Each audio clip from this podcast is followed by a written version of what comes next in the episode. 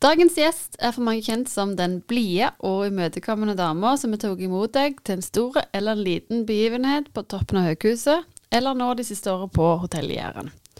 Denne driftige dama er å finne på scenen med forestillinger gjennom teatergruppa Fantefølge, og ikke minst Huset fant kjærligheten på TV. I dag får vi muligheten til å bli bedre kjent med den personlige historien til Else Strøm Larsen. Velkommen. Takk. Vi kjører, kjører, rett på med dilemma på deg. Ja. Ville du vært kjempeflink til å synge, men ingen visste det? Eller vært kjempeflink til å spille triangel, og alle visste det? Åh Nei, men altså jeg, jeg, Kanskje jeg vil være Jeg har jo alltid hatt lyst til å være kjempeflink til å synge. Jeg tror det måtte vært min hemmelighet. nice.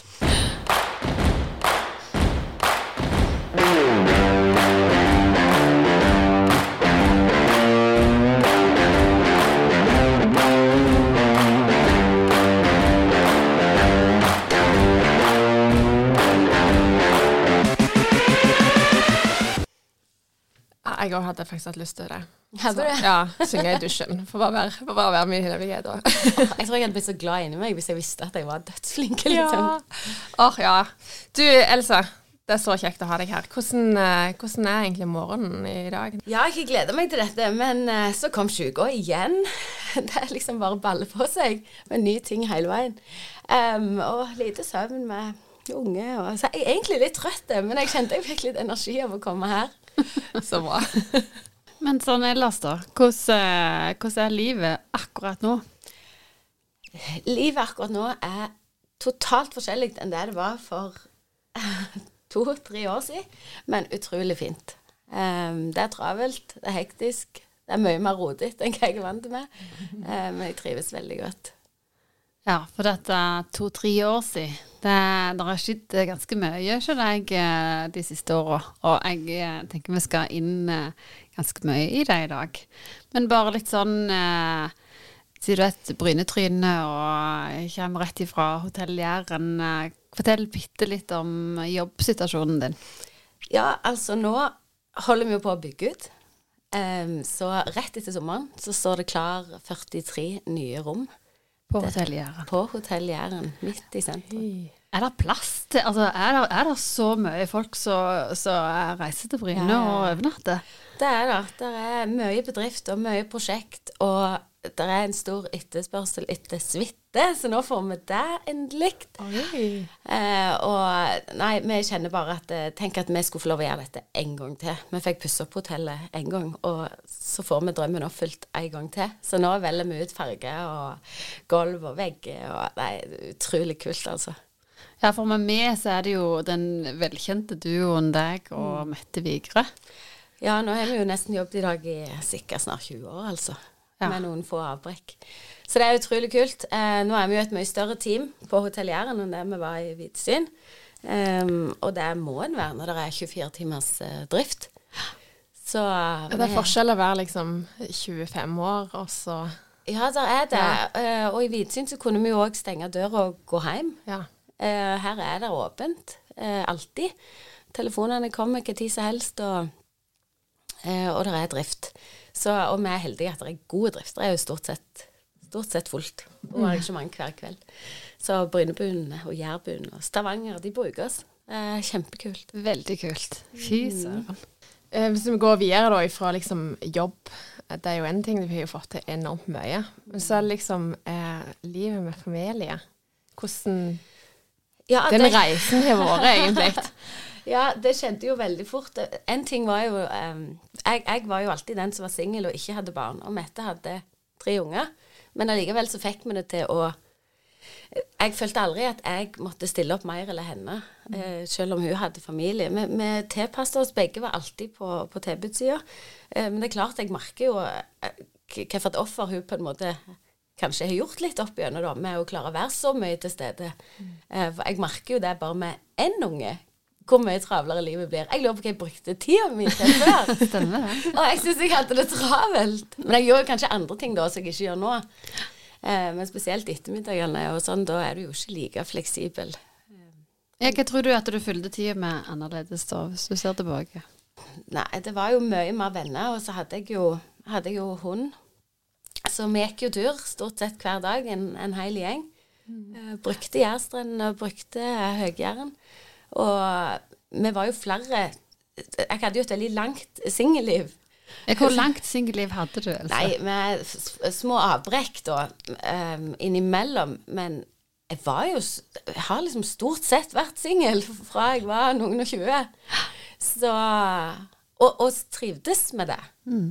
Jeg eh, hadde venner altså, Vi hadde middag i lag, og vi hadde kveldsmat. Og vi reiste på fantastiske ferier. Og du sier vi. Hvem er vi? Nei, hvem er vi? En, en, form for selvvalgt familie, da, kanskje. Ja. Eh, jeg hadde jo teateret på ene sida. Og så hadde jeg eh, litt sånn mer friluftsvenner på andre sida, da. Veldig spredt eh, type mennesker som jeg gikk i lag med. Mm. Uh, var alle single?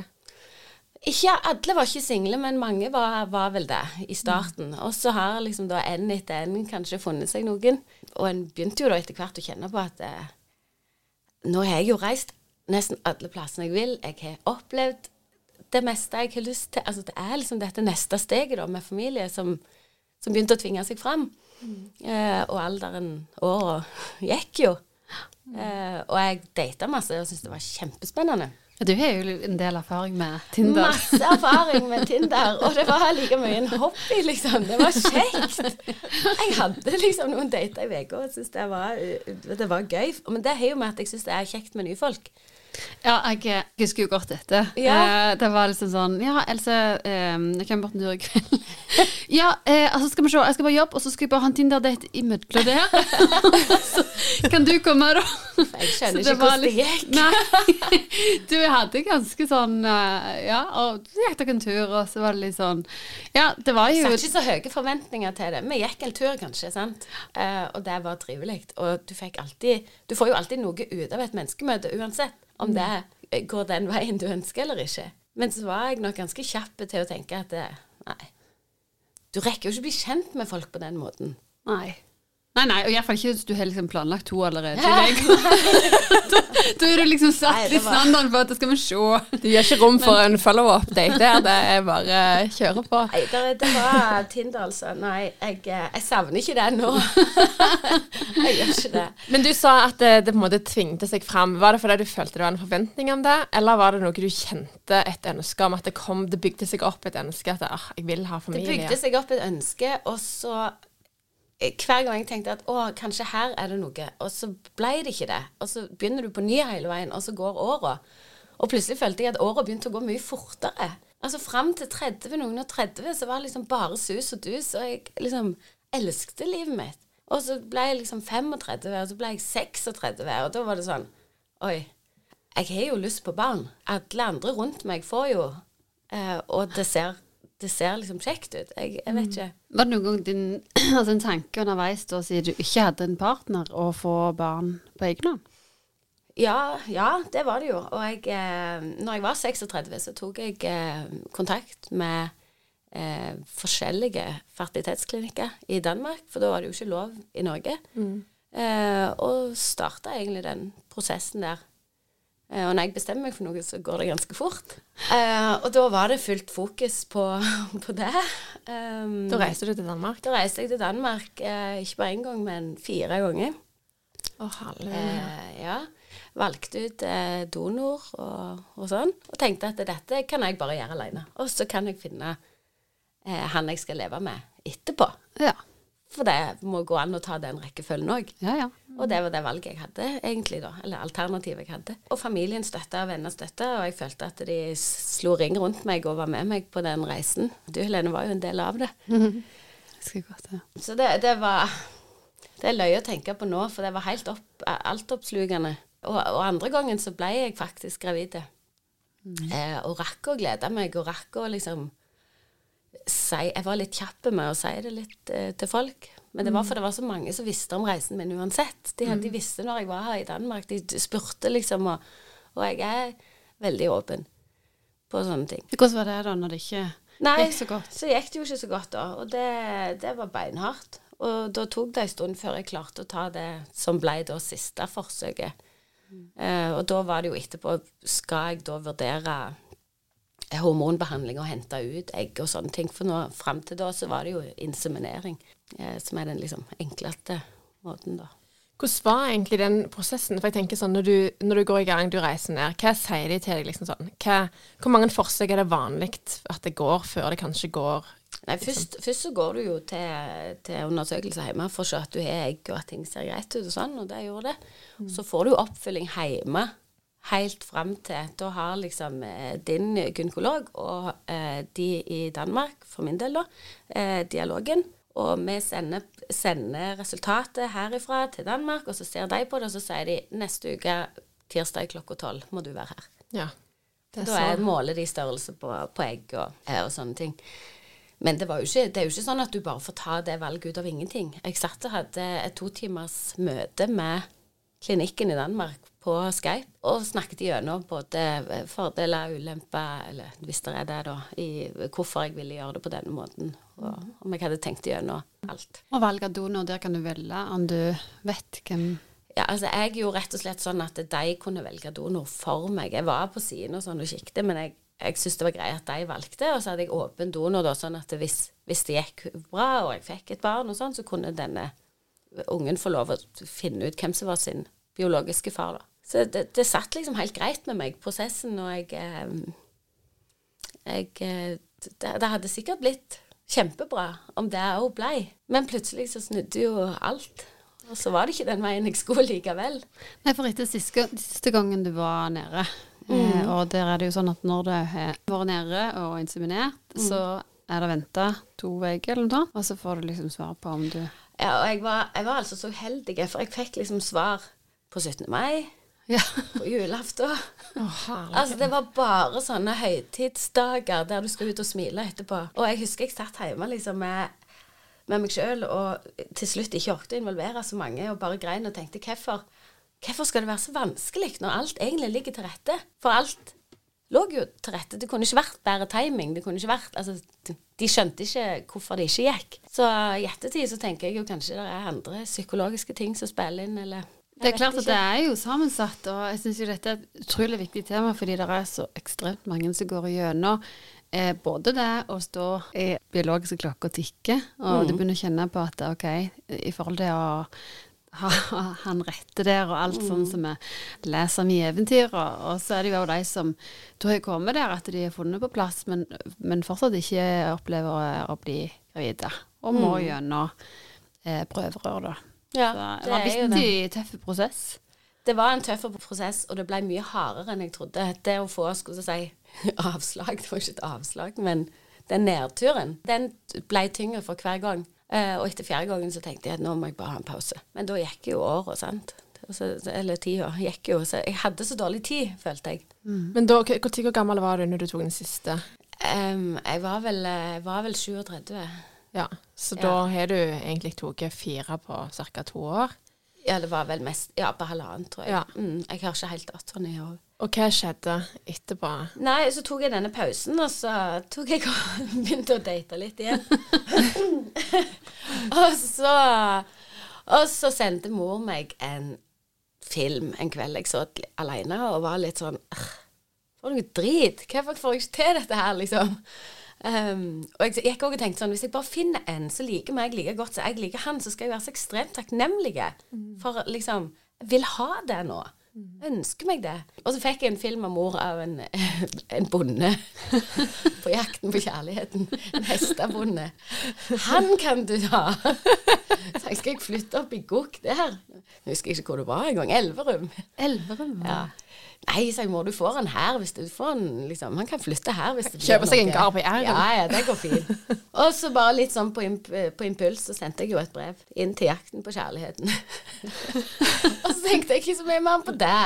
Jeg tenkte det har jeg aldri gjort før. Det er sikkert gildt. Jeg husker faktisk du sendte meg denne videoen sånn Han er her, var ikke han òg? ja, jeg sendte til mange. Det er litt kjekke. ja. Så sendte jeg, ja. Og så gikk det jo ikke så lenge, og jeg hadde glemt det litt av, og sånn. Og så plutselig så, så ringer de jo fra TV 2 at jeg er utvalgt til å komme på speeddate. Men ja, og jeg tenker jo, jeg syns jo det er så spennende. Jeg har alltid likt sant? Jeg liker teater, jeg liker TV, jeg liker produksjonen rundt det. Jeg liker prosessen. Det er liksom det jeg syns er kjekt. Jeg kunne godt tenkt meg at det ble vist i Danmark, hvis jeg bare kunne få være med og lage TV. Jeg syns det er kjempegøy. Um, så det ble jo litt av en opplevelse å være med på det. Jeg gikk jo videre, var på, på gården hans. Det var ikke Hvordan var det? Var det kun, jeg ser bare for meg, Av og til når jeg sitter så gammel, så dør jeg litt inni ja, Jeg døde inni meg. Ja. Det, var, det, var, grusomt, faktisk. Var det så kleint som det kjennes ut? Det var så kleint og så eh, feil for meg å være der i en slags konkurransesetting med disse damene. Så jeg pleier å komme overens med folk, og det var jo bare Jeg kom kjempegodt overens med produksjonen. Så vi hadde det jo løye. Men det er klart jeg vet jo òg hva som er bra TV, så de, de fikk jo meg med på å liksom lage litt sånn show som jeg fikk ganske sånn pigg for etterpå, skulle jeg til å si, i kommentarfeltet. har Ikke alle syntes det var like løye. Jeg var jo Jeg syntes bare det var løye. Ja. ja. Så, men jeg var helt psykisk utslitt når jeg var ferdig der, og, og, jeg tenkte jeg må bare holde ut løpet til han stemmer ut. Men jeg ville egentlig hjem ganske kjapt. Det sa jeg jo på, på en del programmer at jeg tror han passer bedre med andre enn meg. Nå må jeg få reise hjem. Og så du avslutta det sjøl? Nei, jeg avslutta det sjøl. Han skulle stemme meg ut. Han stemte deg ut? Ja, men jeg kunne ha reist før. Men ja. det ble feil, for du, du meldte deg på, og da er du med. Ja. ja. Så eh, reiste jeg jo hjem og var totalt utslitt og tenkte herlighet, dette var hardere mentalt enn jeg trodde.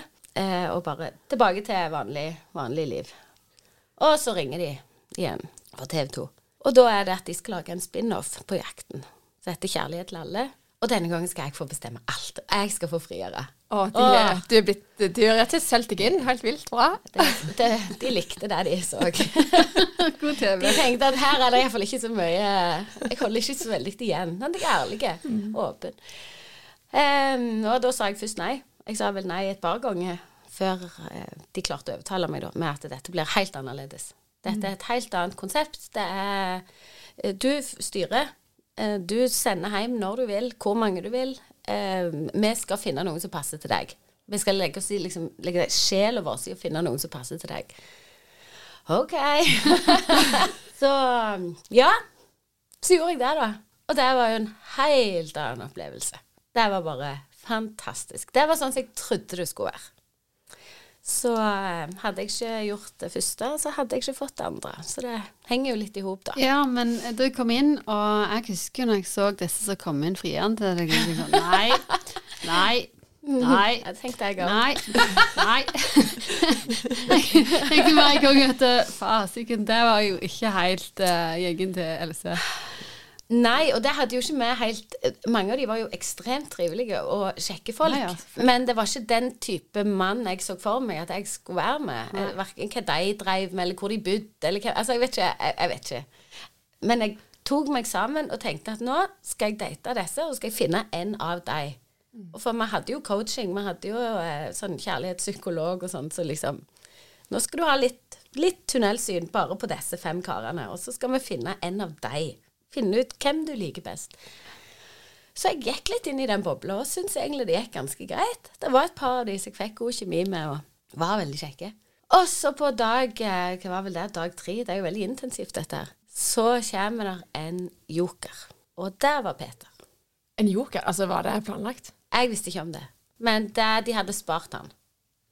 Oi, kult. så da kom der en høy, flott svenske inn mens jeg satt og spiste frokost. Det hadde vært fest kvelden før. Jeg var litt sånn OK, rett i date-modus. Jeg skjønte ikke helt hvorfor kun jeg satte mikrofon, og de andre hadde ikke, men det var jo en grunn til det. Så da gikk meg og han ut og satte oss og drakk en kopp kaffe, og jeg husker jeg tenkte jeg måtte stramme meg litt opp, og jeg måtte liksom Og jeg tenkte at jeg har lyst til at han skal like meg, og det hadde jeg ikke tenkt tidligere på samme måte.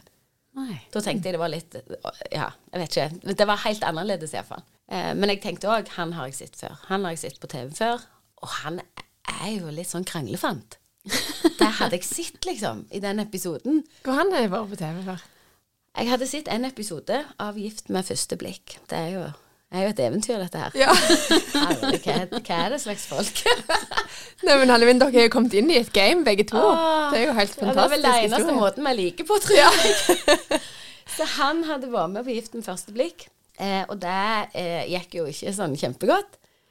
Og så var det en kollega som hadde meldt han på dette, og bare 'Du må ta en sjanse til. Nå er du liksom i dette her'. Og jeg hadde sett en episode, og det var når han krangla med hun her dama gjennom skogen og var sånn skikkelig sånn sur mann. mann verste jeg vet. og jeg tenkte sånn Uff, stakkar henne. Og så sitter jeg der, og så liker jeg han litt. det var jo ganske rart. Men han tok jo egentlig bare litt over hele, hele det spillet der inne. Så fra da av så var det egentlig oss. Jeg Fortell litt om veien der. Hvordan, hvordan Eller det var oss der inne, da. Ja. ja. De andre karene de fant litt andre damer der, og sånn passet jo kjempegodt. Eh, men så reiste vi hjem, og så kom han og besøkte meg ei helg.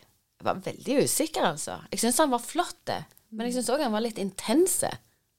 Energien så Han har veldig kraftig energi. Han er veldig der. Jeg vet ikke hvordan jeg Men ikke du òg med energi? Altså, På en altså- helt annen måte. Ja, okay. Ja. Han er en sånn veldig sterk tilstedeværelse som jeg, gjerne jeg følte var litt uh, Wow. Litt sånn Du bare bestemte deg, du, liksom. Ja. Men så var han veldig snill og veldig oppmerksom. La merke til sånne småting som han eh, liksom eh, flere dager eller uker etterpå tok opp igjen, sånn tydeligvis har lytta eller fått med seg ting som jeg liker. Og så kom han og besøkte meg på Jæren. Så var han i tre dager. Og så reiste han hjem igjen. Fremdeles kjempeusikker. Jeg syntes han var en flott fyr, men jeg kjente ikke de der sommerfuglene og var liksom forelska.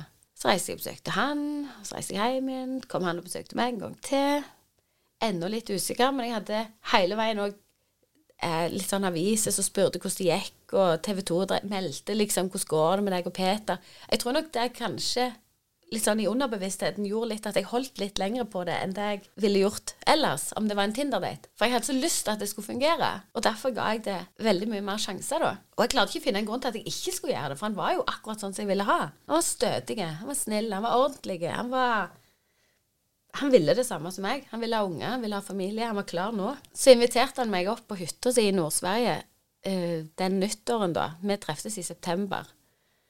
Uh, og da sa jeg Nei, jeg husker jeg ringte han og sa at det, det, jeg tror ikke det, det funker ikke, liksom. Det, er ikke nok følelse her. Mm. Eh, selv om jeg ønsker det. Så jeg, jeg, tror ikke jeg blir med. Og han godtok det, og det var greit og sånn. Og så så skjedde det et eller annet som gjorde at jeg bare ombestemte meg. Og så heiv jeg meg rundt, og så flyttet jeg til Umeå. Oslo, Stockholm, Umeå. Og så buss i fire timer opp til Klimpfjell. Langt i gokk. Da har du gjort en innsats. Da gjorde jeg en innsats. Eh, og jeg kom der, og han hadde handla god vin og god mat. Og eh, var liksom sånn han skal vi gå på ski? Så sier jeg ja, men jeg har jo ikke utstyr. Ja, men jeg fikser utstyr og ut og liksom på. Hjelp meg på med skoene og liksom Nå skal vi Altså veldig sånn eh, liker at han fikser ting, da. Og så var vi der seks-sju dager, bare meg og han. Det er jo ikke andre folk der. Så det, var, det er ganske heftig. Ja, det er intenst. Du blir ganske godt kjent da? En blir ganske godt kjent, og jeg var så utslitt når jeg reiste hjem. For der jeg trenger alenetid, og det fikk jeg jo ikke der. For han, det er det jeg mener, han, han treng, jeg føler ikke han trenger så mye alene. Han er liksom alltid der, selv om han er rolig. Men i dag, eh, så Else, så er dere ifra historien der til nå, så sitter du og så er du snart tobarnsmor sammen med Peter. Alt endra seg når covid kom. For jeg reiste hjem igjen fra den turen. Og så var det fremdeles litt usikkert og sånn. Men så kom covid. Og da overtalte han meg til at vi skal gi det en skikkelig, for han mente Han var ikke heller forelska. Mm. Men han mente at dette er verdt å, å, å, liksom satse på. Nå må vi prøve skikkelig. Og så kom han midt i covid, og da kunne han være over lengre tid. Så når påsken kom, da husker jeg jeg sa OK, nei, da er vi bare kjærester, da. Og så ser vi hvordan det går. Og så var det en måned om gangen, liksom, tenkte vi. Tenkte jeg. dere, dere har jo på en måte hatt litt sånn motsatt. Altså, sånn så Mange forestiller seg nok at uh, du går og venter på den der store forelskelsen, men så er det noe med at dere ble kjente, ja. og så blir dere bedre kjente, og så lærer dere å være i hverandres selskap. Og så er det mm. igjen, når dere er såpass voksne, mm. så har dere jo lært dere til måte, mer enn eh, altså, forskjellige måter å leve på, og ikke leve sammen, da. Så det er liksom bli kjente og, og komme i lag der, men òg jeg har jo sett dette på deg òg, den her voksende forelskelsen. Der det på en måte, dere vokser på hverandre, og så blir det veldig bra. Ja, det oppleves mer som et valg. Ja. Mm. At begge to tok et valg. Vi har lyst til å være i lag. Mm. Så nå, nå, da gjør vi det. Og så, begynt, og så tror jeg at det gikk mer på at jeg elsker han, liksom, enn gjerne den forelskelsen. Ja. Fordi at vi Men tror du, det, tror du det er noe som er en del av det å bli eldre? At liksom når du er 15, 16, 17, 20 år, og liksom det, du blir forelska i den og den, liksom kjenner på alle disse følelsene, mens nå, når vi blir litt eldre, så er liksom ikke svingningene så store, men at du liksom bare nå må vi ta et valg. Det, det gjelder jo egentlig for våre deler òg, som er gift. En må jo ta et valg. Må jo ta valg hele ja. Etter hvert. Når forelskelsen går, går over, liksom. Du, men allikevel, når du er, altså, desto eldre du blir, desto mer måte, filter får du med deg. På et vis. Sant? At ja. du er så urørt blad skal du si, når du er 20, mm. eh, og har mindre erfaringer og tanker med deg på hvordan ting skal være. Mm. Men meg, altså, desto mer eldre vi blir, desto mer filter får du med deg, og desto altså, smalere felt blir det, i forhold til at du vet mye mer hva du vil ha, da. Ja, og det skal passe inn i livet ditt. For jeg tror man kan bli forelska og bli betatt av folk. Det tror jeg at jeg, jeg kunne si. Jeg ble jo det i alle disse åra. Men det er det at det skal være noe såpass ekte, og så eh, Over tid. over tid? Jeg vet ikke. For det, det, det, var jo derfor det tok så lang tid før jeg klarte å bestemme meg for dette. Fordi at det, det var ikke de følelsene jeg var vant med. Men det føltes allikevel så veldig riktig. Mm. Og så er det gjerne sånn det er når folk har vært i lag lenge. Så er det nok sånn. Det er bare vi fikk ikke den der den starten. Men jeg tror ikke vi trengte det. Når det kommer til stykket. Og han er jo en litt sånn flatere eh, følelsesmessig person. Eh, der jeg går med kjempeforventninger. Og han er litt sånn Ja, men dette er jo bra, Else. Kan vi ikke bare Dette er bra. Og jeg er litt sånn Ja, men det er jo ikke sånn, og det burde jo være sånn, og så han er jo bra for meg, da, på det punktet. Men Hvordan så du for deg det egentlig skulle være? Nei, En tror jo en skal bli tatt med storm og bli så forelska at du ikke klarer å la være å bli i lag med personen. Ja. Mm. Istedenfor at du må drive og jobbe med hjernen og ta et valg. Eh, men jeg tror hadde jeg visst det som jeg vet nå, så kunne jeg gjerne fått det til med andre tidligere. Mm.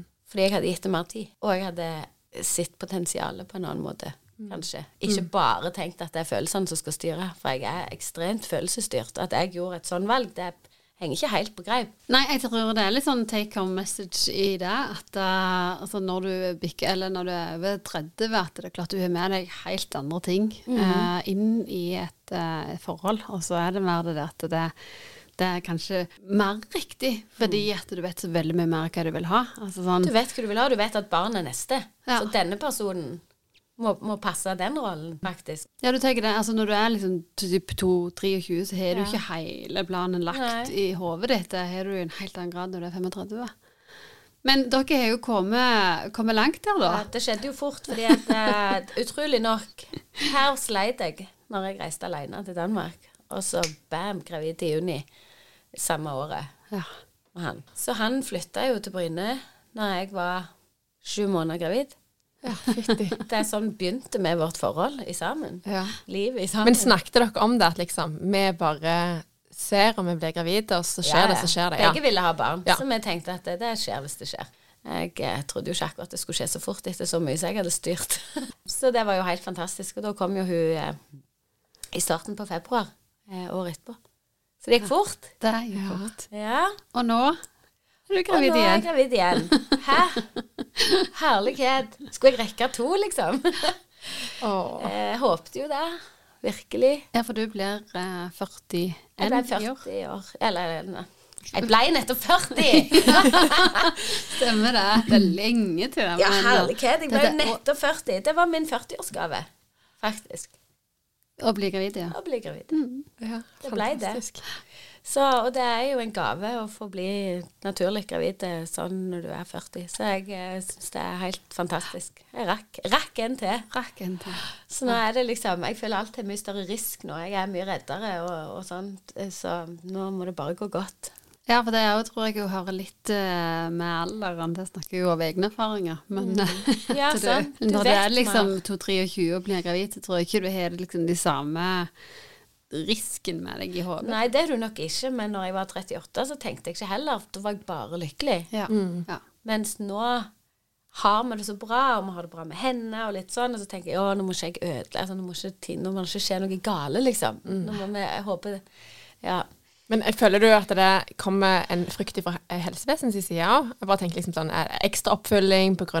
alder og sånn, eller liksom Nei, det er nok litt fordi sånn som det gikk sist i forhold til fødsel og sånn sist, så gikk litt det ble litt heise. Ja, ok. Så jeg er litt redd for egen, egen helse historie. og, mm. og, og barnet. Altså, jeg er redd for at noe skal gå galt, da. Ja. ja. Um, som da vil rokke med det som vi har. Liksom, var det verdt det? Sant? Mm. Litt sånne tanker som jeg jobber med. Men eh, sånn i bunn og grunn så er jo ønsket der å få et søsken til henne. Uh, og liksom få en til, da. Nå er vi jo i dette livet og syns det er kjempekjekt. Så jeg skjønner jo det blir heise. Det blir enda mer heise. Jeg går, ennå, jeg går, jeg går liksom og jobber med å lære meg til rot og liksom slappe av i, i alt det. liksom ikke jobbe imot det, men være med i alt. Mm. Det som hører med, ja. For det er litt sånn spørsmål rundt det. Den store overgangen når ting skjer her på fra tre år tilbake og nå. Altså, hva, hva, tenker du er de største forskjellene? Største forskjellene er at eh, hver Altså, jeg har aldri hatt sånn helg er helg og ukedag er ukedag. Jeg er veldig glad i sånn litt kos hver dag. Så jeg pleier å tenne alle lysene, det pleier å være ryddig og fint. Og så pleier jeg å få noen venner på besøk, og så har vi noe god middag og et glass vin. Og så er det liksom bare kos. Så nå er det sånn jeg prøver å få tent et par lys i rotet, og så eh, Nei, jeg Det er liksom noe helt annet. Jeg har ikke energi til å være sosial med folk på kveldene. Eh, målet er jo at når, når, dette barnet har kommet, og vi kommer oss ovenpå igjen, så har jeg jo lyst til å ta litt mer av det sosiale tilbake. For det, det har blitt litt nedprioritert. Det tror jeg alle, alle kan kjenne seg igjen i småbarnslivet. Vi har snakket ja. om det sånn, vi snakker om det hjemmesjokket. Ja. Sånn, noen år med sosialt selvmord. Forhåpentligvis er vennene der når, De er jo når du er over ja. det verste. Alle har vært i, i den fasen. Prøve å planlegge noen kjekke turer litt fram i tid og litt sånn. Ja. Men jeg er jo egentlig veldig sånn der stemningsjunkie. Så det, nå prøver jeg å finne stemning i kaoset. Klarer du det?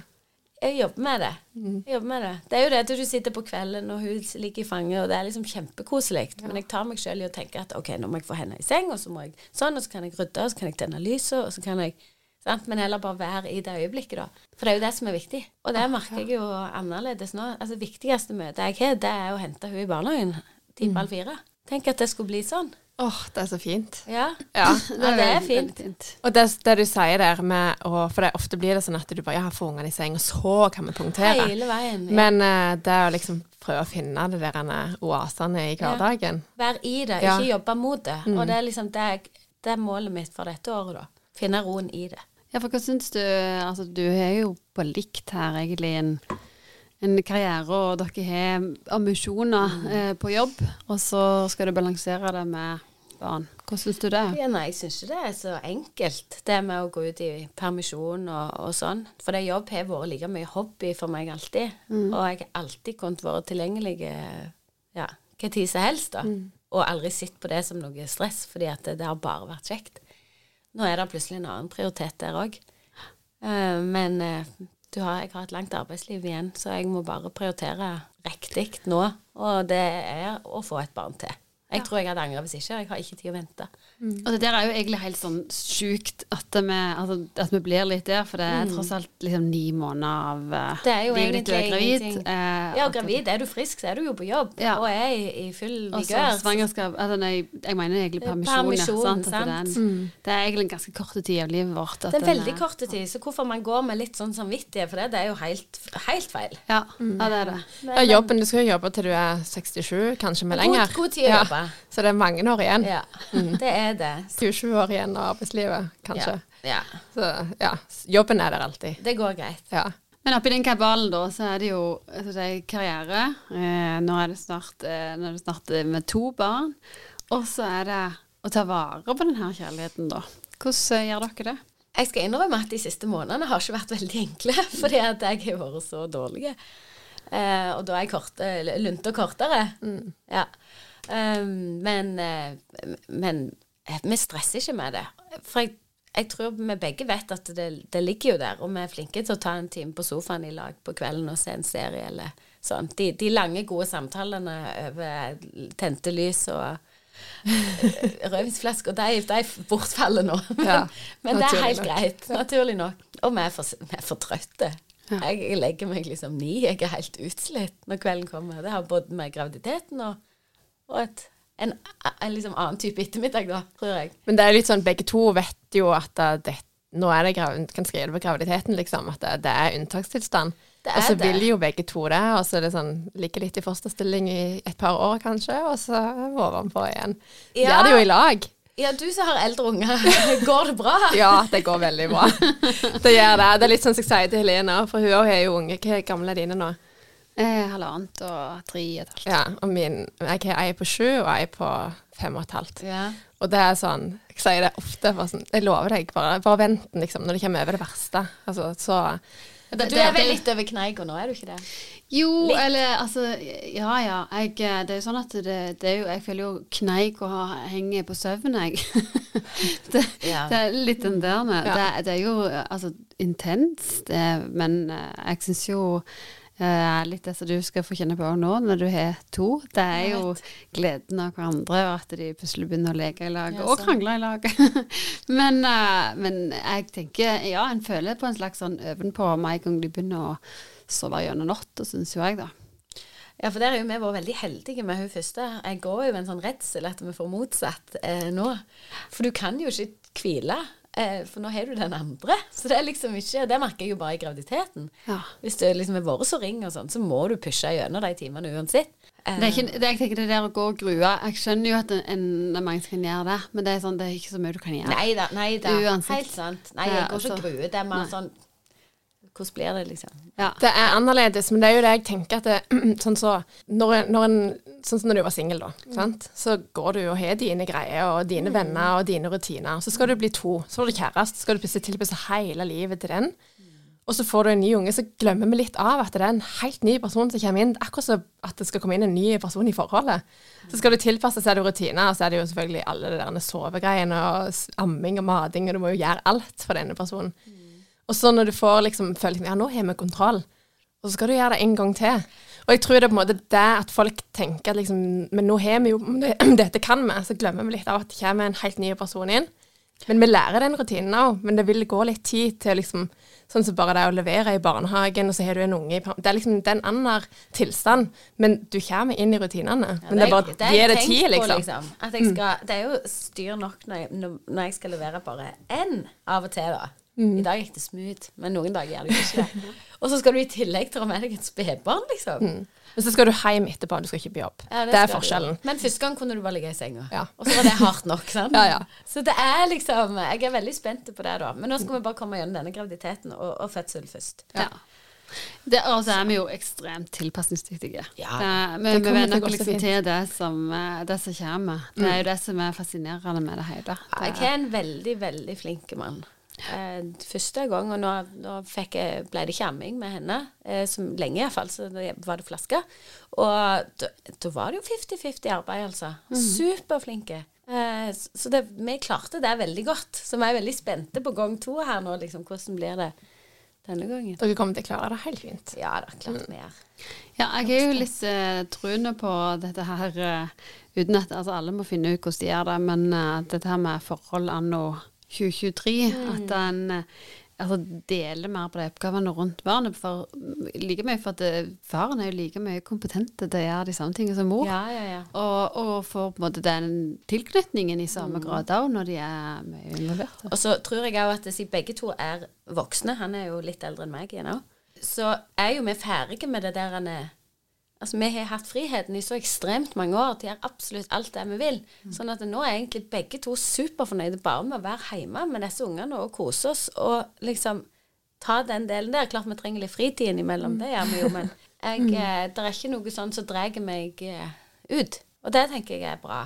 Ja. Både positivt og negativt, både med for tidlig og for seint. Ja. ja. jeg tror også det er viktig å ta med at det er fordeler og bakdeler ja. på begge, men, eh, men det der allikevel og ha landa i det og, og trives mm. med bare å være akkurat der og ikke skulle vært alle andre plasser. Nei, mm. altså for oss så tror jeg det var perfekt at det var nå, og ikke for ti år siden. For jeg mm. har ingenting Det er ugjort, liksom. Jeg har gjort alt som jeg hadde lyst til å gjøre. Så nå er det mer sånne ting jeg har lyst til å gjøre med familie, som jeg så andre gjorde, men det var jo ikke for meg før. Eh, og jeg trodde jo faktisk ikke at det fantes noe som kunne gi meg den der følelsen igjen av liksom det der spennende nye, alt det der. For det at, at liksom Sitt og reist og gjort så mye. Og så kommer denne babyen. Så skjønner jeg ah, det er jo derfor folk får unger. altså, det, er jo fordi, det er jo dritkult, for du får jo oppleve alt på ny. Ja.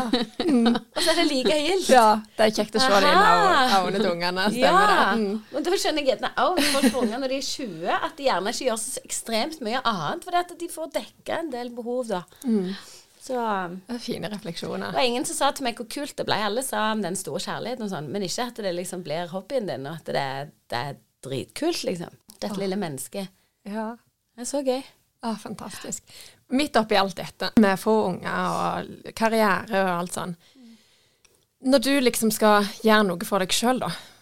Du sier at du av og til så må du ut og være med venner. Hva gjør du for å fylle på, for å kjenne liksom at nå, nå gjør jeg noe som gir meg energi, sånn at jeg har mer å komme hjem med? Ja, I hverdagen så tvinger jeg meg sjøl ut til å gå litt tur på kveldene og få til en god samtale. Hvis jeg har en god samtale, så har jeg fått påfyll. Altså der ting bare flyter, sant. Og du får nye tanker, og du får dele. Og det. Frisk luft og gode relasjoner. Og frisk luft og bevege meg alt på en gang. Jeg syns det er tungt å komme meg ut, men det er liksom det beste. Mm. Men uh, hvis jeg kan planlegge fram i tid, en tur, en reise, en eller annen plass der vi skal både gå og, og liksom gjøre noe aktivt, og eh, være sosiale og se vakre ting, det er liksom Det gir meg motivasjon. Jeg holder på å google nå sånn, til neste vår hvor kan vi reise og bare gå i fire dager fra plass til plass. Og så liksom, ja. Ja, Alene eller som familie? Nei, som regel med søsteren min og de som vil være med. Mm. Mm. Vi har hatt noen sånne turer i Skottland og England.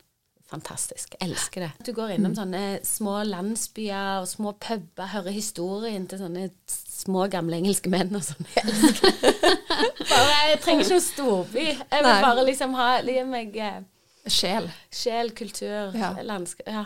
Det gir meg energi. Og så òg nye ting. Sånn som så kommer her og drøser med dere i dag. Det gir meg masse energi. Kjempegøy. Ja, og det, det, merkes jo at du har med deg en sånn en god energi inn. Mm. så bra.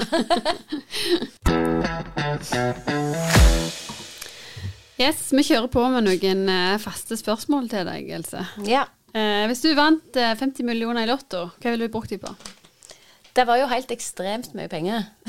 Dere kunne ikke valgt en litt mindre sum. Jeg tenker liksom jeg må ta i, for jeg tenker selv at hvis du vinner én million, ja. så er det sånn at det er Du tar den ned på lån. Du tar litt på lån, ja. da tar du litt på lånet. Nei, du, sånn som alle andre sikkert ville sagt, så hadde jeg eh, strøket alles i gjeld. Altså i min familie og hans familie og oss sjøl. Og så um, hadde jeg nok gjerne starta et prosjekt en eller annen plass et litt sånn større prosjekt der jeg kan jobbe så mye eller så lite som jeg vil, eh, med noe som er bra for noen. Jeg tror ikke jeg ville bare gitt penger til veldedighet. Jeg ville starta et eller annet som jeg hadde lyst til. å Drevet sjøl. Ja. Drevet sjøl. Og så hadde jeg kjøpt en vingård.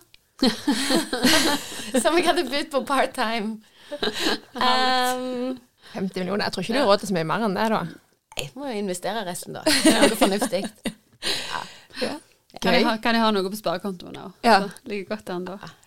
Det er friheten det hadde gitt, da. Ja. Det er jo fantastisk. Men det er jo litt kult det du sier med at du ville drevet det sjøl. Du er jo en gründer i, ja, jeg liker jo å styre. Ja. jeg liker jo å, å skape. Mm. Mm. Hvis du kunne valgt én ting i livet så du kunne outsource resten av livet, mm. hva ville du da valgt? At noen rydder og vasker som meg. Sånn, det er alltid fint. det er så enkelt. Ja. For jeg elsker å ha det fint rundt meg, men jeg synes det er så pes å gå og rydde hele veien. Ja, ser det. Mm. Helt til slutt, om du fikk vite at du hadde bare ett år igjen å leve, hva ville du gjort? Jeg ville gjort akkurat det som jeg gjør nå, men eh, prøvd å kvitte meg med stresset eh, om å jage framover. For da er det jo veldig viktig, spesielt å nyte hver dag. Så um, prøve Jeg er alltid i forkant. Prøver bare å være her og nå. Her og nå. Mm, jeg tror det. Men jeg ville ikke ha gjort noe annet enn det jeg gjør. Det er perfekt. Det er mm. perfekt. Du, tusen hjertelig takk for at du eh, kom her i dag. Takk for at jeg kom. Kjempegild historie. Mm. Eh, eller solskinnshistorie, vil jeg si. Altså når du får den der både Det vil jeg bare legge til, at det å være singel er jo ikke noe galt eller feil med det. Det er jo ikke du heller syns, men reisen, ikke sant. Og at mm du hadde lyst på barn. Ja, at du var så ærlig, eller bare delt så ærlig om prosessene du var gjennom. Så bra. Fortsatt fin dag. I like måte. Takk.